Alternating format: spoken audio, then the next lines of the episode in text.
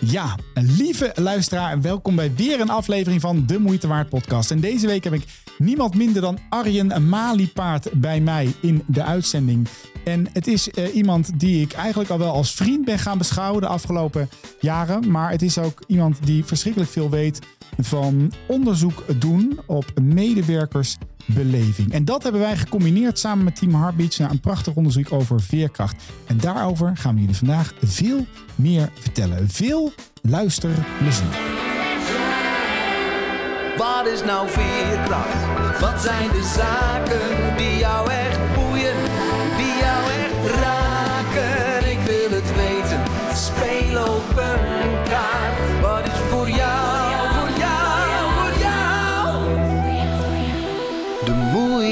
waard? Uh, laten we maar eens beginnen, Arjen, met deze podcast. Wie is Arjen? Nou, dankjewel Nick. Uh, wie is Arjen? Ja, ik ben, uh, ik ben 42 jaar, woon in Rotterdam. ik ben directeur van, van Integron en ik ben gelukkig getrouwd met Arusha. En ik heb, ik heb twee kids, wow. Zoe en Kai. Kijk eens aan, kijk eens aan. Hey, en, ehm, en je zegt hem heel snel geboren en getogen Rotterdam? Of, Nee, niet, niet geboren, wel getogen. En inmiddels, ja, ik, ik, zeg altijd, ik ben eigenlijk toch import Rotterdam. Ik ben op mijn achttiende naar, naar Rotterdam gekomen voor mijn studie. En ja, blijf plakken, nooit meer weggaan. Wil ook nooit meer weg. En ondanks dat ik van de Veluwe kom en dat daar natuurlijk een mooi stukje natuur ligt. Maar nee, niet meer weg uit Rotterdam. Togen, wat, wat goed. Hey, en ehm, vertel eens even iets meer, want daar ben ik natuurlijk wel weer nieuwsgierig naar. Wij hebben hier een reden dat we dit gesprek opnemen met elkaar. En daar, daarover nog veel later meer. Maar ik ben alleen nog even nieuwsgierig. Intron. Uh, vertel eens, wie, wat, wat doen jullie? Wie zijn jullie? Waar zitten jullie? Ben ik ook nog wel nieuwsgierig naar. Ja, nou ja, we zitten ook in Rotterdam. Och, wat. Dus uh, ja, zit, uh, dat is natuurlijk geen toeval. Maar nee, we houden ons bezig met, met medewerker- en klantonderzoek. Ehm, niet alleen onderzoek, ook advies. Dus we helpen eigen organisaties om het beste uit klant en medewerker te halen. En dat doen we inmiddels al 30 jaar. Dus dit jaar, dit jaar bestaan we ook 30 jaar. En ja, gaan we ook eh, feestelijk vieren natuurlijk. Ja, dat geloof ik. En uh, het zou zomaar eens kunnen zijn dat de man die de intro inzong van deze mooie podcast daar nog iets mee te maken gaat hebben. Maar dat, dat is nog helemaal geheim. Ja, ja dan moeten we nog even stilhouden Dat natuurlijk. is nog helemaal geheim. Hey, en wat ik wel leuk vond in de voorbereiding, stelde ik jou nog wel de vraag. Hè, jullie houden je bezig met medewerkerbeleving. En ik had daar neergezet, hey Arjen, jullie doen toch iets met medewerkertevredenheid. Toen zei je, nou niet, maak er maar beleving van. Ja. Wat is het verschil zo? Waar, waarom, is het, waarom is het belangrijk om het over beleving te hebben? Ja, be, be, beleving is wat, naar ons gevoel is dat wat rijker en, en, en groter. Hè? Tevredenheid, dat, dat kan al snel functioneel worden. Hè? Ben, je, ben je tevreden over je salaris bijvoorbeeld? Of ben je tevreden over de communicatie? Ja. En bij beleving, uh, we maken eigenlijk onderscheid, onderscheid tussen functioneel en emotioneel. En zodra het over beleving gaat, hè, kijk maar ook naar je privésituatie. Je gaat naar een restaurant of je gaat naar de film of je maakt wat mee. Dan is het woord experience wat rijker, omdat het dan ook die emotionele wereld raakt. En we zeggen eigenlijk van als je uh, tevredenheid is vaak het, het, het, puntje van de ijsberg. Okay. Hè, maar alles onder water, dat, dat heeft ook met drijfveren van, van mensen te maken. En die willen we natuurlijk ook in kaart brengen, omdat heel veel van wat de medewerker doet of waar die naar handelt, dat doet hij vanuit zijn onbewuste. Dus alleen maar vragen naar tevredenheid, vind je iets goed of slecht? Ja. Ja, dat, dat deden we in de jaren negentig. Uh, en er was op zich niks verkeerd mee. Nog sterker, ik denk ook als je bepaalde dingen wil verbeteren, moet je ook echt wel snappen hoe je aan de tevredenheidsknoppen uh, moet draaien of drukken.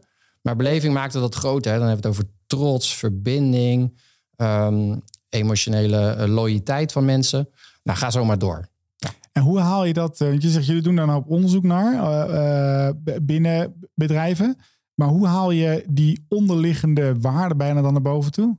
Ja, door, door andere type vragen te stellen aan mensen. En, ik, ik, ik, gaf net al een aantal voorbeelden. Hè. Enerzijds gaat het dus over een, een acht tot tiental hoofdonderwerpen. gaat over samenwerking, communicatie. Heb je de juiste middelen om je werk te kunnen doen? Um, nou, dat, dat, dat kan je allemaal redelijk op basis van tevredenheid. Ik vind dat iets zeer goed of zeer slecht is. Ja. Maar als het gaat over bijvoorbeeld uh, de verbinding met je organisatie. Hè? En, en, en in welke mate je ook trots bent of je wil inzetten of inderdaad iedere dag je bed uitkomt. Hè? Uh, dat, dan zul je dat toch met andere vragen rondom trots, uh, betrokkenheid en bijvoorbeeld ook enthousiasme. Hè? Dat, dat zegt iets. Hè? In welke mate zou jij jouw werkgever aanbe aanbevelen? Maar als je, als je, als je dat ja, echt 100% doet... echt aanbevelen. Ja, ja, ja, ja, ja, ja, ik ook natuurlijk. Ja, dat begrijp je. Ja, terecht, terecht.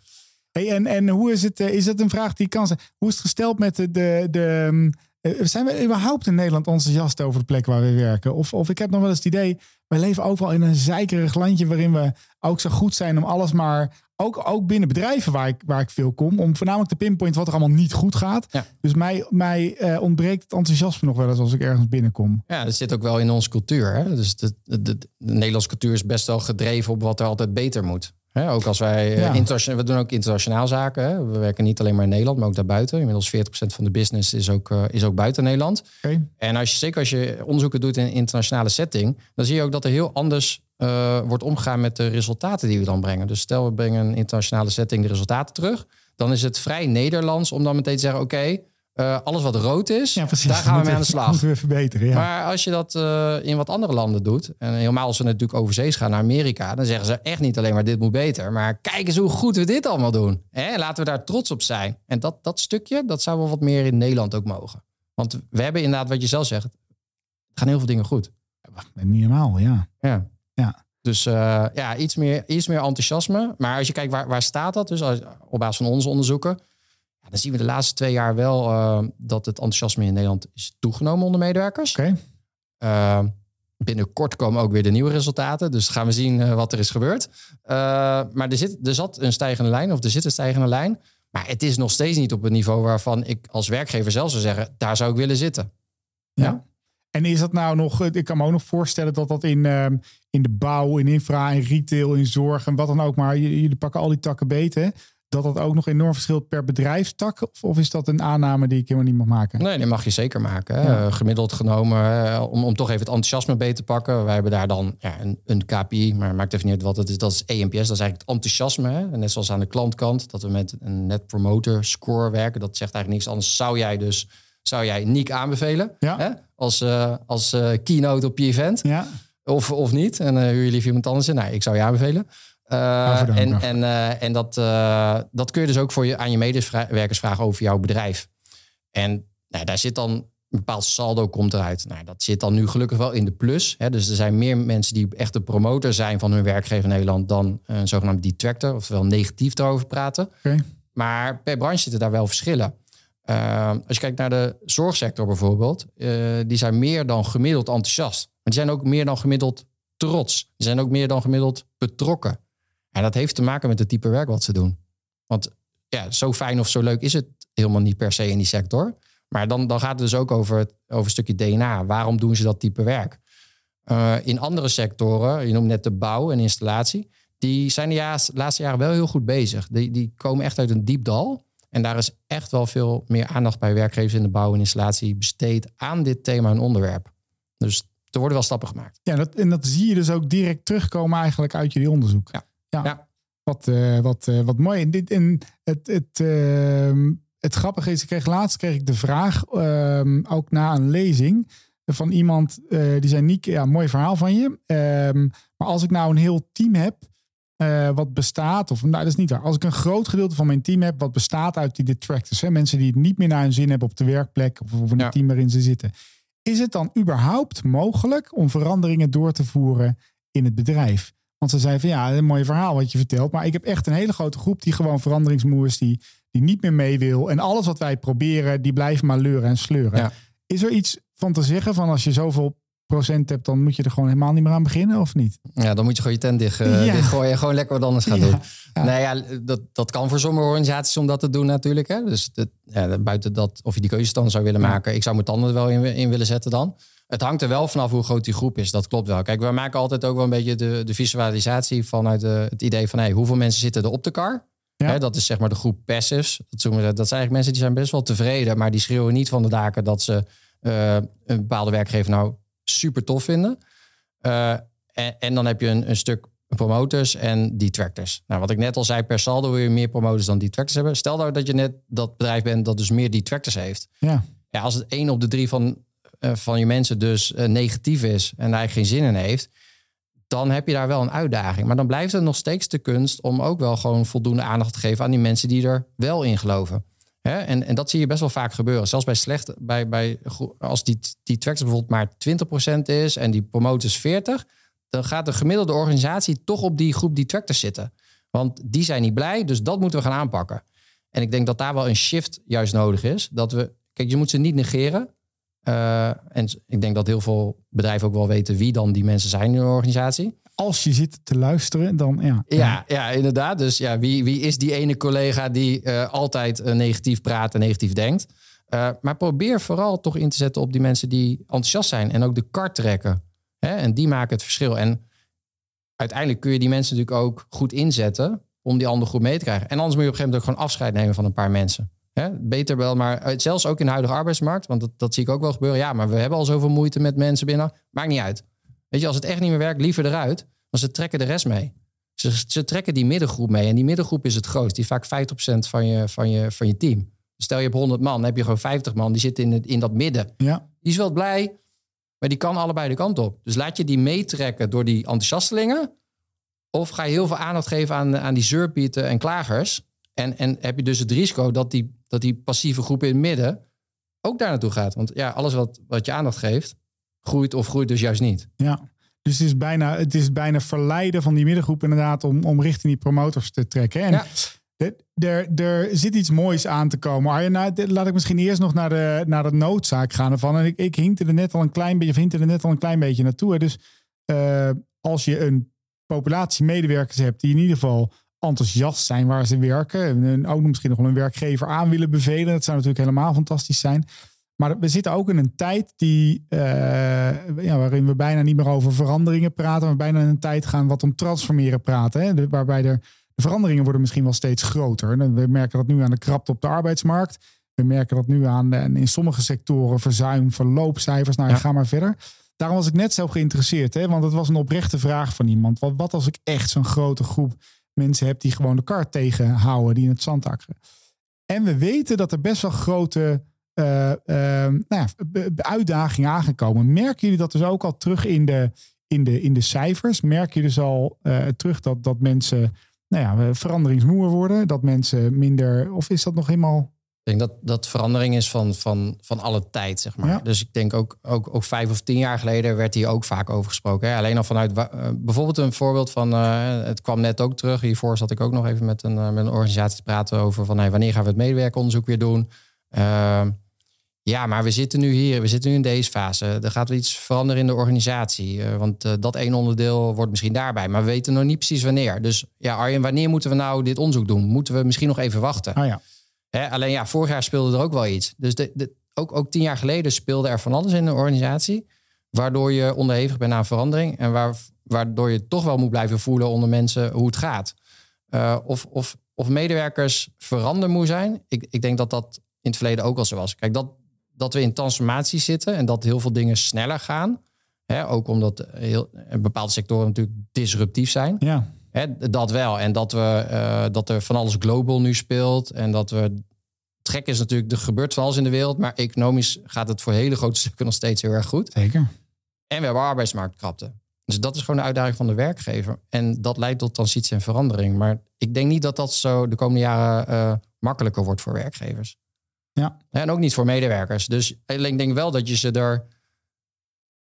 Dat, er, dat werkgevers, als je kijkt van waarom presteren sommige werkgevers nou zo top, dat is niet omdat daar niks gebeurt of niks verandert. Maar het heeft alles met leiderschap en communicatie te maken. En mensen meenemen in wat er gebeurt en, waar, en ook vooral waarom het gebeurt.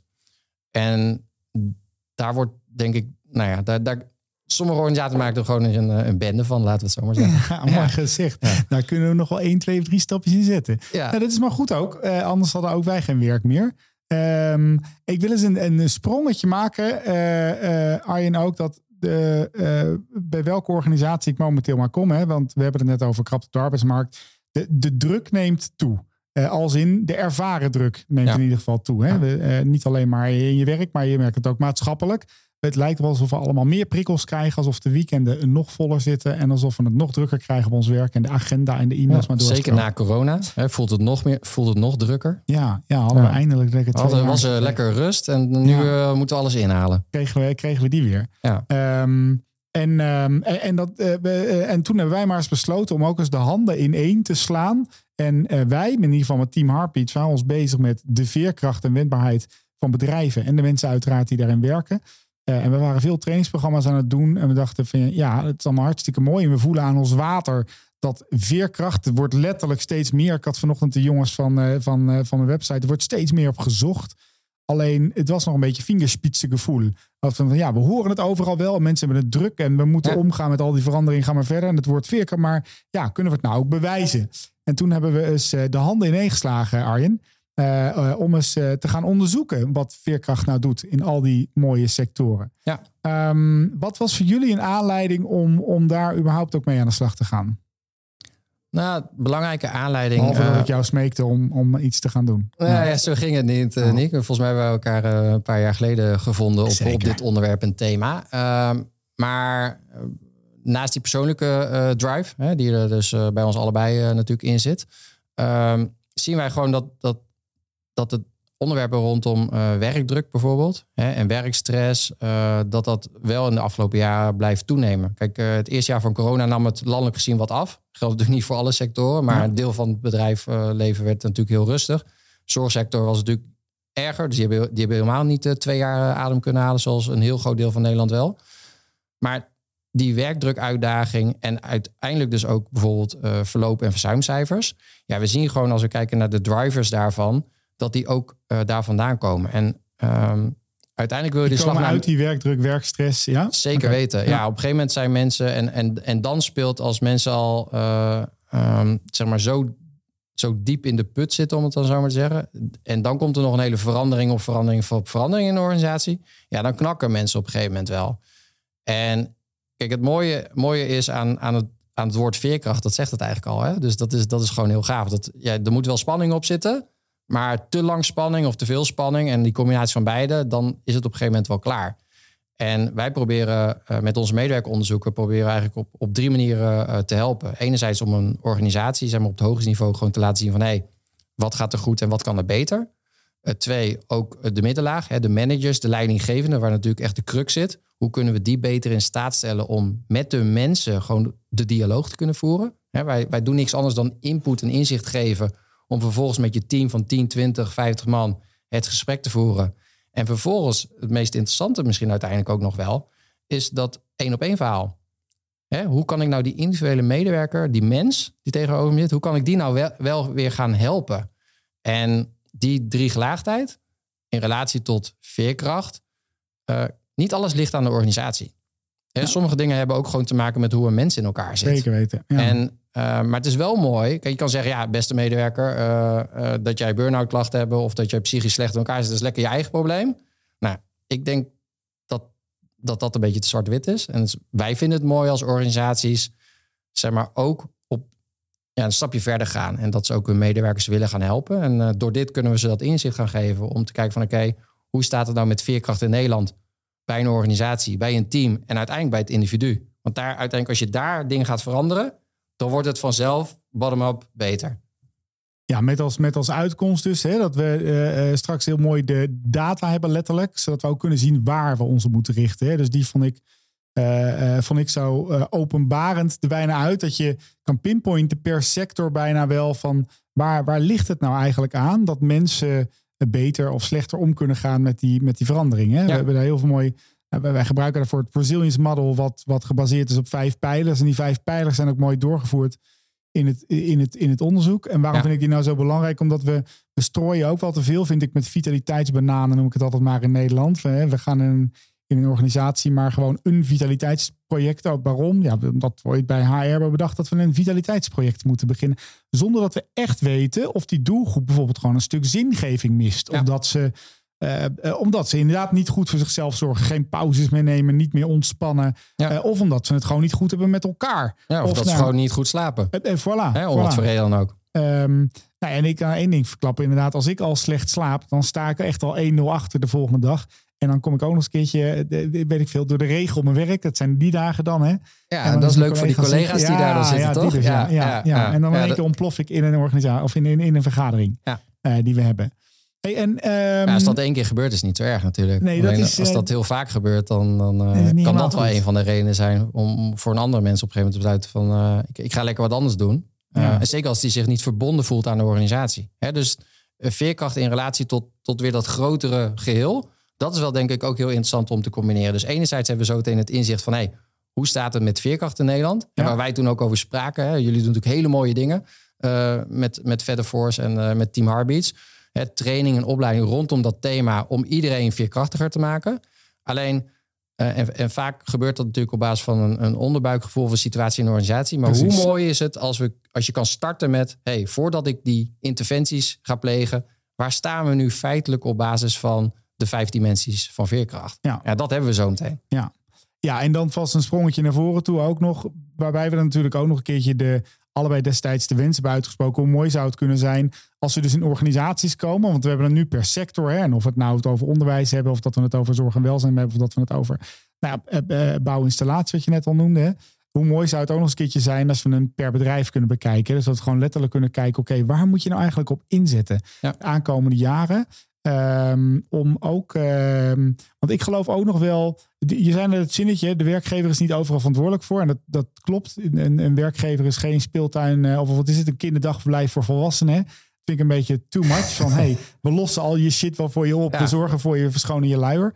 Dus ja, er zit wel een risico, hè? Ja. Dus dat, zeker de afgelopen paar jaar en ook in de huidige arbeidsmarkt. Hè? Van ja, pamperen, pamperen, pamperen. En ik, ik denk dat, dat we daar als werkgevers wel voor moeten oppassen. Hè? Niet, niet, niet ten koste van alles, maar alles doen. Want we zijn als, als totaal een organisatie zijn we ook een, een samenleving hè, met elkaar. Dus het kan niet zo zijn dat omdat er nu een bepaalde situatie aan de gang is, dat we daar maar heel veel geld en tijd en energie is. Aan de andere kant, veerkracht op de lange termijn ja, als je daar goed mee omgaat in je organisatie, hè, dan, dan loopt je verloop loopt gewoon terug. Hè? Uh, en al, ja. dat, nou, laten we het dan maar niet over die kosten daarvan hebben. Uh, ja. Dus het is goed om daarin in, in, te investeren. Nou ja, de, de ROI is heel makkelijk eigenlijk gemaakt. Hè? Dus we zien heel mooi dat als we vanuit uh, de cognitieve gedragstherapie kijken, dat je en je biedt individuele coaching aan het moment dat mensen ziek worden. Wat we nu veel doen. Hè? Dus mensen worden ziek, gaan naar de ja. arbeidsarts, krijgen een psycholoog of een coach heb je wel heel belangrijk dat het gebeurt. Moet je ook blijven doen ROI 1 op 3. Dus het is wel heel belangrijk, want het levert je een hele hoop geld op. Ga je al enigszins trainingen aanbieden, ga je al naar 1 op 4 en ga je dus echt structureel uh, dit embedden in je organisatie. Dus hey, waar ligt nou echt mijn behoefte om mensen om te leren gaan met zichzelf, met de dingen die in de organisatie gebeuren, de dingen die met team gebeuren, moeten we uh -huh. niet mhm. vergeten, zeg maar.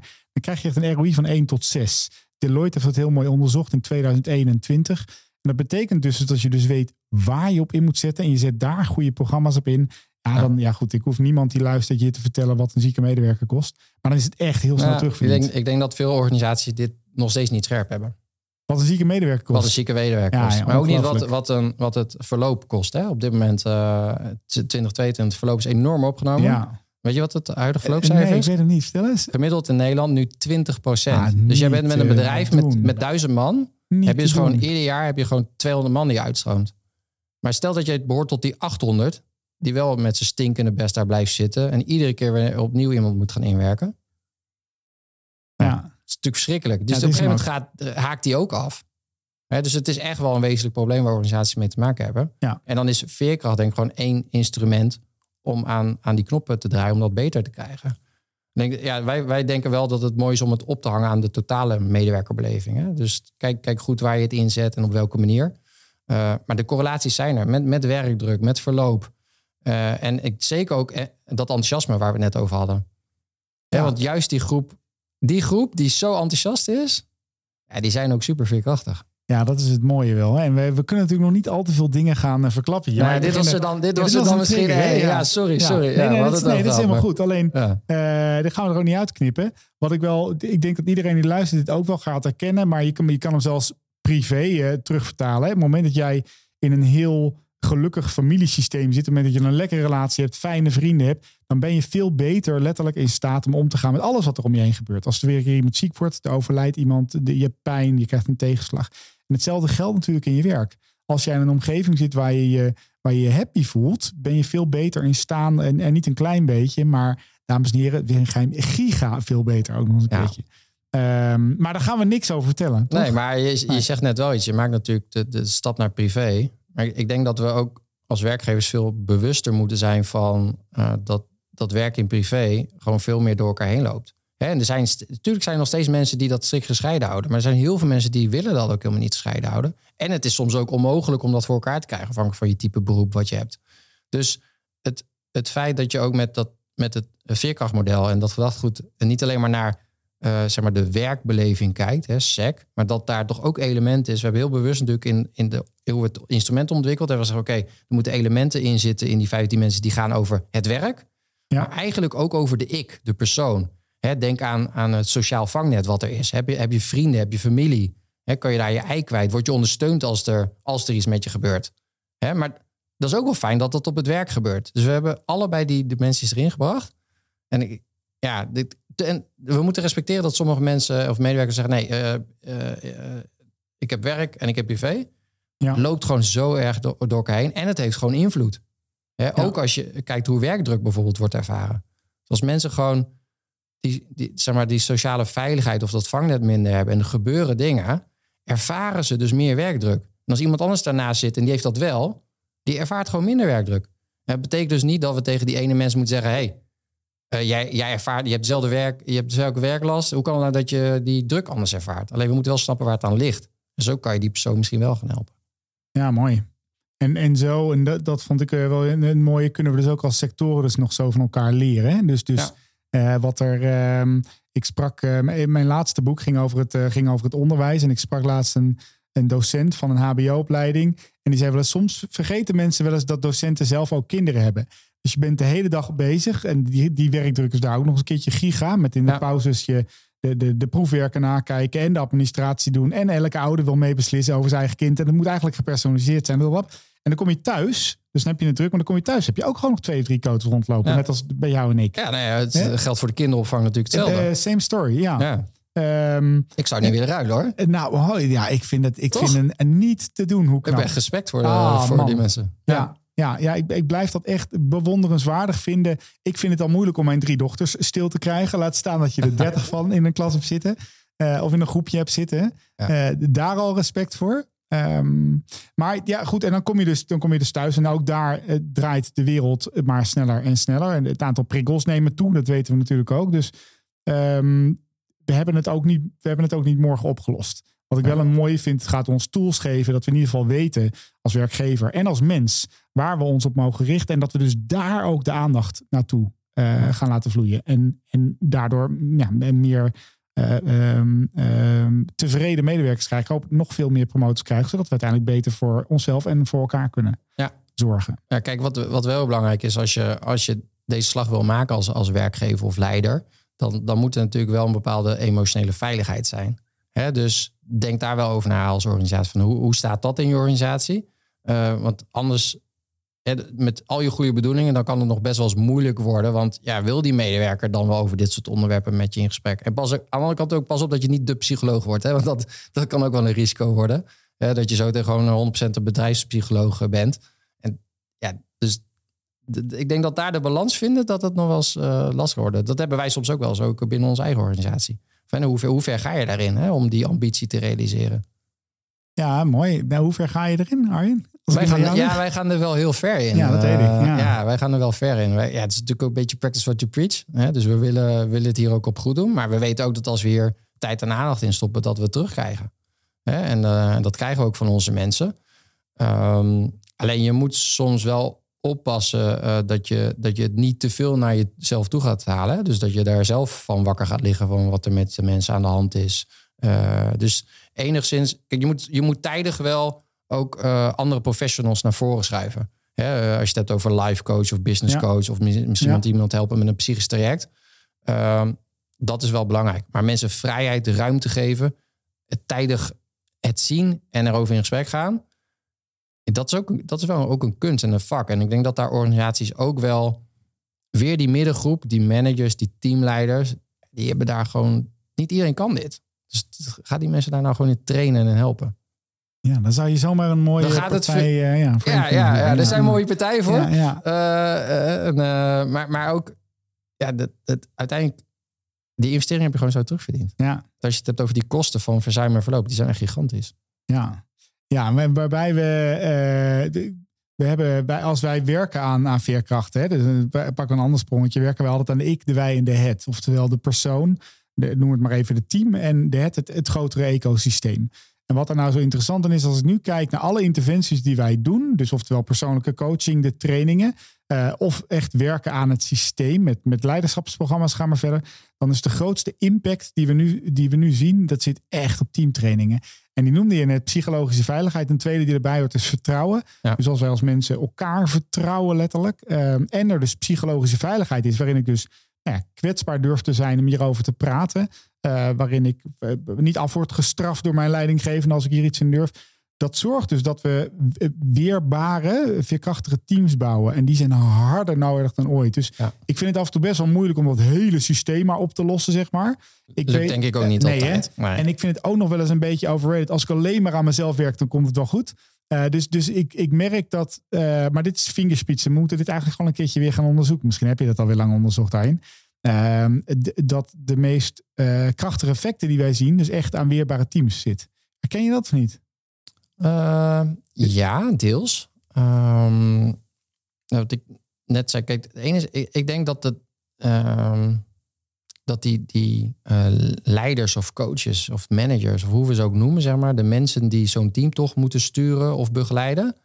Um, kijk, als, als, als, als die zeg maar, met hun mensen in gesprek moeten gaan over dit soort onderwerpen, maar ze durven zichzelf niet kwetsbaar op te stellen, ja.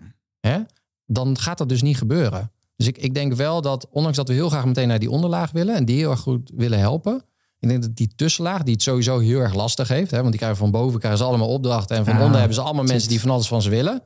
Hè, de middenkader is echt een beetje een vervelend woord. Maar die groep die is groot overigens in Nederland. Ja. Bij sommige organisaties ook te groot. Maar dat is weer een andere discussie.